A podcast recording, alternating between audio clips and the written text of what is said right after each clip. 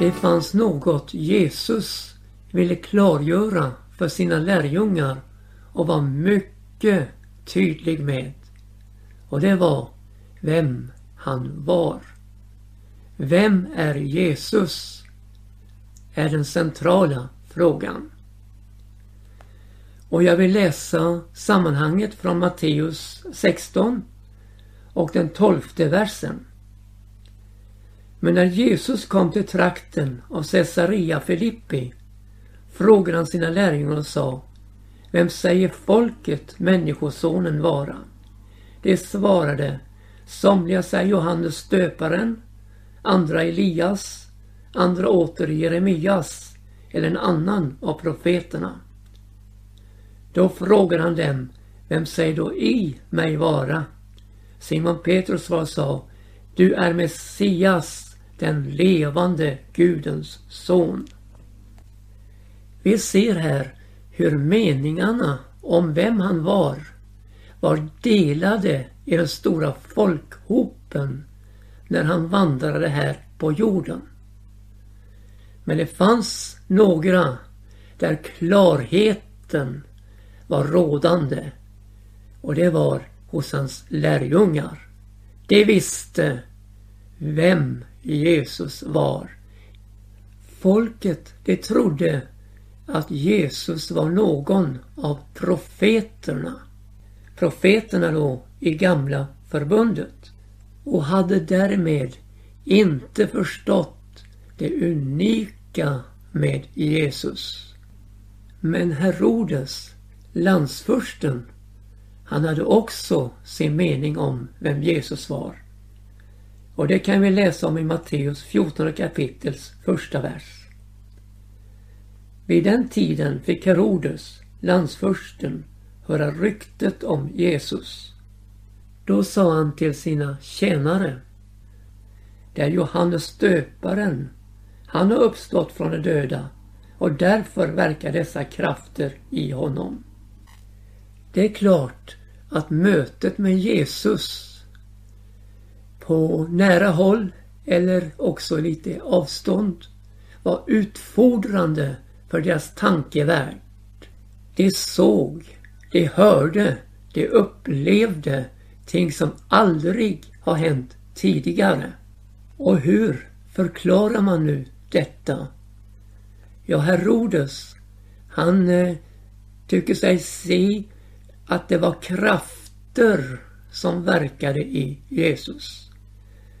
Och så drar han slutsatsen, jo, det är nog Johannes döparen, han som jag har halshuggit. Det är nog han som har uppstått från de döda. Och just därför så verkar då dessa krafter i honom. Men min vän, det var inga krafter som verkade i Jesus. Utan det var Guds kraft som verkade i honom. Alltså inte olika krafter från olika källor utan en kraft från en underbar källa, nämligen den levande guden. Och nu stöter vi in i nutidens avguderi, religiositet och oförmågan att se vem Jesus är. För skulle du och jag ställa frågan Vem är Jesus? ute i folkhavet så skulle vi få en mängd svar.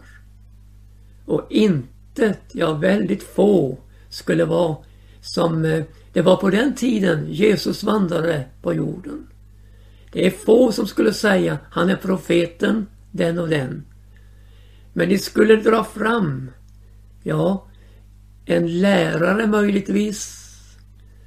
Men det värsta nog att de skulle dra fram en okult mirakelman som olika krafter verkade i och verkar i då för att, som man menar på, hjälpa människor att få ljus i livet och få tillfredsställelse på olika områden. Det är en fullständig explosion av okulta krafter i tiden. Och dessa krafter har ett föremål att föra oss bort från Jesus, skrifternas Jesus. Och det finns en inkörsport som är vidare än alla andra på området. Den heter yoga. Den går ut på att vara kroppsövningar utan religiöst innehåll. Men ack vad felaktigt det är. Man har sina kroppsövningar och att andas på ett speciellt sätt. Och så har man detta med att meditera. Och vad är nu detta? Jo, det är att sätta sig i lotusställning och tänka på en enda sak hela tiden. Det är att meditera. Och vad är det nu man tänker på? Jo, man tänker på en avgud. Tömmer ur sig själv för att denna kraft ska fylla en med energi. Ja, precis. Och den energin kommer från en ond andevärld som vill tränga sig på och tränga sig in i människans inre. Det är hinduistiska gudar som vill inta människan. Och det är inget annat än onda andemakter som ligger bakom. Vi hade för några år tillbaka sedan ett par fadderbarn i Indien. Och min fru hon hade glädjen att få besöka dem på barnhemmet där i Kombator. Det var våra vänner Jobb och Rut Ghana Prakasam som stod för det. Dessa kära vänner som nu är hemma hos Herren gjorde ett enormt arbete för Jesus för att hjälpa människor i deras nöd. Men innan Job blev frälst så var han hindu. Och jag vill minnas att han talade om att det fanns 380 tusen gudar. Ja, häng inte upp mig på talet. Men jag menar på det var 380 000 avgudar i hinduismen som man hade att förhålla sig till som hindu. Men så mötte han den levande guden genom hans son Jesus Kristus och blev härligt frälst. Och nu hade han bara en Herre att förhålla sig till, Jesus Kristus. Och en enda Gud, den levande guden. Han som skapat himmel och jord med sitt blotta ord. Vilken skillnad det blev i hans liv. Istället för att vara med alla dessa avgudar och försöka att tillfredsställa dem så fick han nu leva för Gud. Han fick leva för Jesus Kristus och tjäna honom på ett underbart sätt. Och Rut, hon gick upp till bergstammar som ingen annan vågat att besöka på bara fötter och vandrade där i två timmar för att nå dem med evangelium om Jesus. Och det blev en underbar väckelse bland dessa. Och sedan kom bibelkvinnor upp där i bergen. Och till och med fick min fru tillfälle att besöka dem och se vad Gud, den levande guden, hade gjort. Vid ett tillfälle så var det så här att det var en man som kom dragandes på en kärra fylld med grönsaker. Och så tippade kärran för honom och alla grönsakerna får ut på vägen. Vad hände tror du? Jo, barnen, de fattiga, som knappast hade någonting för dagen. De löpte till och tog av grönsakerna för att äta. Men då kom människor med käppar och stavar och drev dem bort för att de inte skulle få fatt i dessa grönsaker. Men så fick min fru se hur det kom ett par kor ut på vägen för att ta del av samma grönsaker. Tror du att det var några käppar i vägen där som drev bort dem? Nej då. De fick äta hur mycket de ville. För du förstår, korna, de var ju heliga. Men barnen betydde ingenting. Och det är detta med hinduismen, med yogan som inkörsport och fortgående företeelse.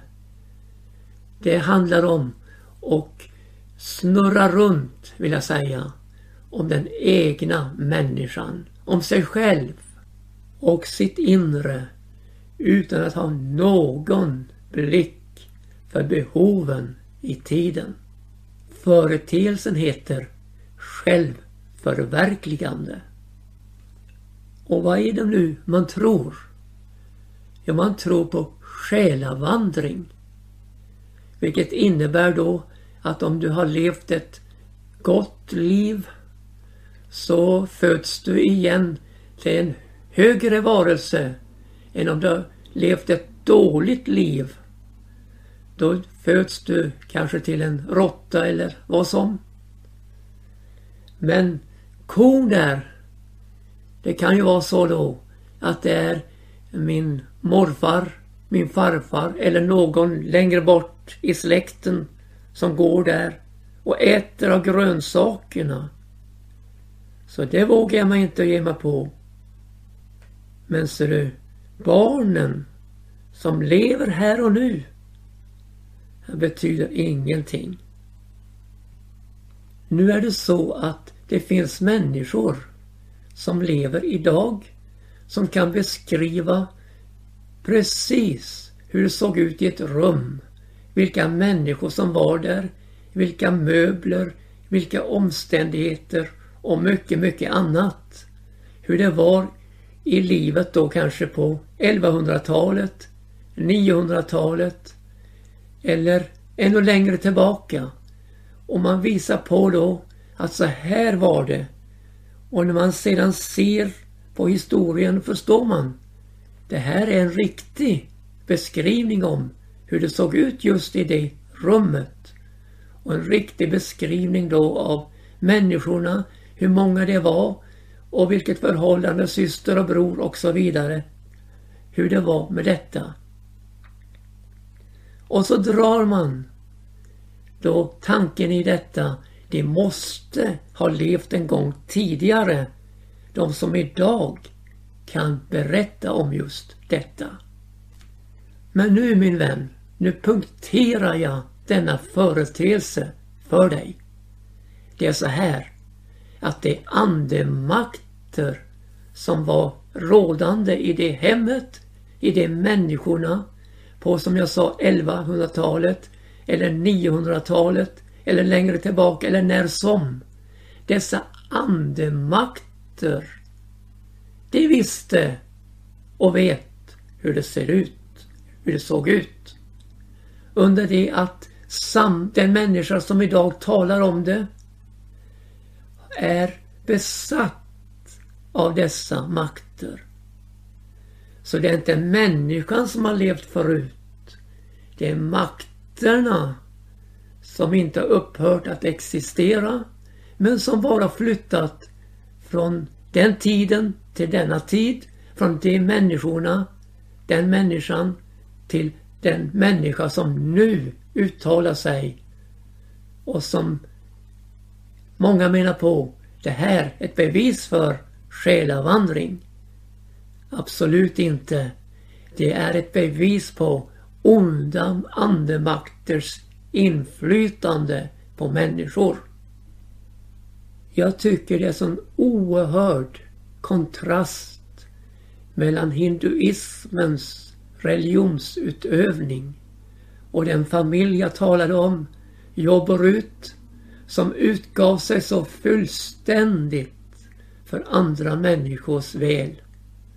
Jag tänker du vad mötet med Jesus betyder för oss i förvandlingen av vår invärtes människa som gör att vi vill hjälpa andra människor i deras nöd.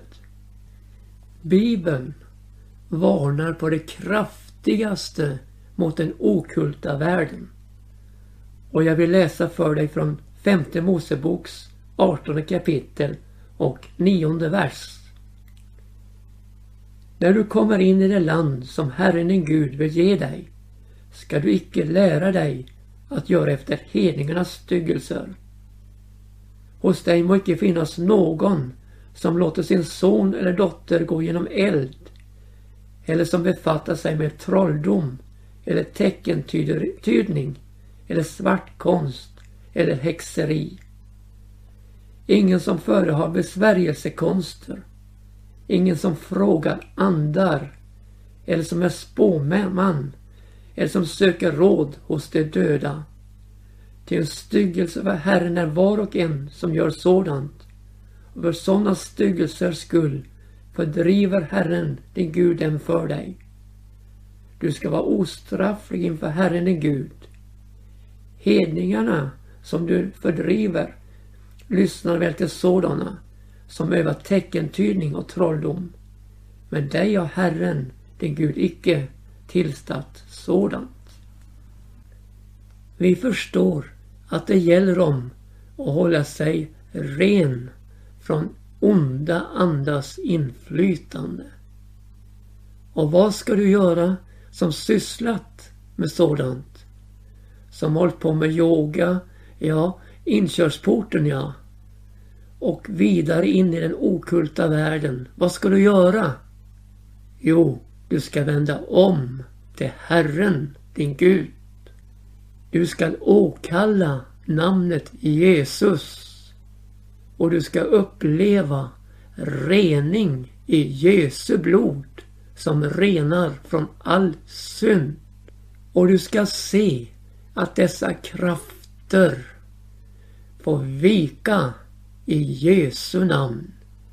För du ska veta Jesus har vunnit seger över dem allesammans. Låt mig ta med ännu en företeelse inom den okulta världen. Astrologi. Man säger, det står skrivet i stjärnorna. Om man håller sig med sina stjärntecken och menar på att framtiden, ja, den står skriven då i, i stjärnorna. Men absolut inte. Vet du min vän vad framtiden står skriven? Den står skriven i bokrullen. Den som var i Guds händer och blev övergivet i Jesu händer.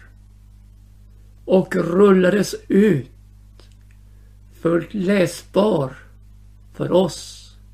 Så vi kan veta vad som ska hända framöver.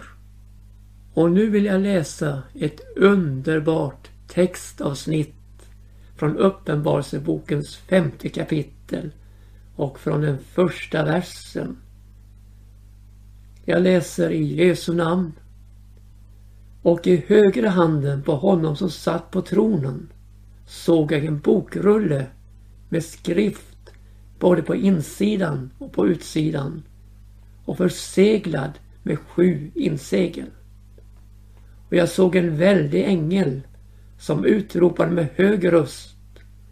Vem är värdig att öppna bokrullen och bryta dess insegel? Men ingen, vare sig i himmelen eller på jorden eller under jorden, kunde öppna bokrullen eller se vad som där stod skrivet. Och jag grät bittert över att ingen befanns värdig att öppna bokrullen eller se vad som stod däri. Och vi fortsätter läsningen. Men en av de äldste sa till mig Gråt icke. Se lejonet av Judas stam, telningen från Davids rot, har vunnit seger. Så han kan öppna bokrullen och bryta dess sju insegel. Då fick jag se att mellan tronen och de fyra väsena och det äldste stod ett lamm som såg ut som hade varit slaktat. Det hade sju horn och sju ögon. Det är Guds sju andar, vilka är utsända över hela jorden. Och det trädde fram och tog bokrullen ur högra handen på honom som satt på tronen. Och när han tog bokrullen föll de fyra väsena och de 24 äldste ned inför lammet. Och det var var och en sin harpa och hade gyllene skålar fulla med rökelse det är det heligas böner. Och de sjöng en ny sång som lydde så. Du är värdig att ta bokrullen och att bryta dess insegel. Ty du har blivit slaktad och med ditt blod har du åt Gud köpt människor av alla stammar, tungomål och folk och folkslag och gjort dem åt vår Gud till ett konungadöme och till präster och de ska regera på jorden. Du förstår min älskade vän, det behövs en värdighet av gudomligt slag för att få lov att rulla ut framtiden.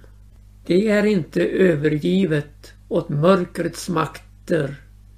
Nej, det vilar, halleluja, i Lammets händer. Pris för Gud, Lammet som vunnit seger. Han är värdig att öppna bokrullen. Han är värdig att rulla ut framtiden. Där ingen, vare sig i himmel eller på jord eller under jord var värdig. Där har vi Jesus Kristus som den värdige som har vunnit en evig seger på Golgata. Och så är det då så underbart att vara fri från okulta krafter och få vila i Jesu genomstungna händer. Uppleva hans ledning i livet mot målet, våra själars frälsning. Ja, målet att förenas med honom, Jesus Kristus, för evigt. Innan vi avrundar, jag vill göra en liten rättelse. Det gäller antalet avgudar i hinduismen. Jag var inne på ett spår där jag sa 380 000. Men eh, det visar sig att talet är 330. Och märk väl, det är många 330 avgudar. Jag tänkte då 330 000. Nej, det räcker inte. Det rätta talet, vet du vad det är? 330 miljoner avgudar. Så även om ett par tre är huvudgudar så kan man ju förstå vilken röra det är.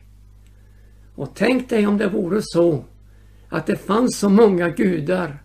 Hur skulle då världen, hur skulle då universum se ut? Och människan, ja, hon skulle inte finnas till. Ingenting hördu skulle finnas. Men Gud var det lov, det finns bara en Gud, den levande guden som har skapat himmel och jord och som berett frälsning och försoning genom sin son Jesus Kristus som är vägen, sanningen och livet. Och vet du, ingen kommer till Gud, till Fadern, utom genom honom.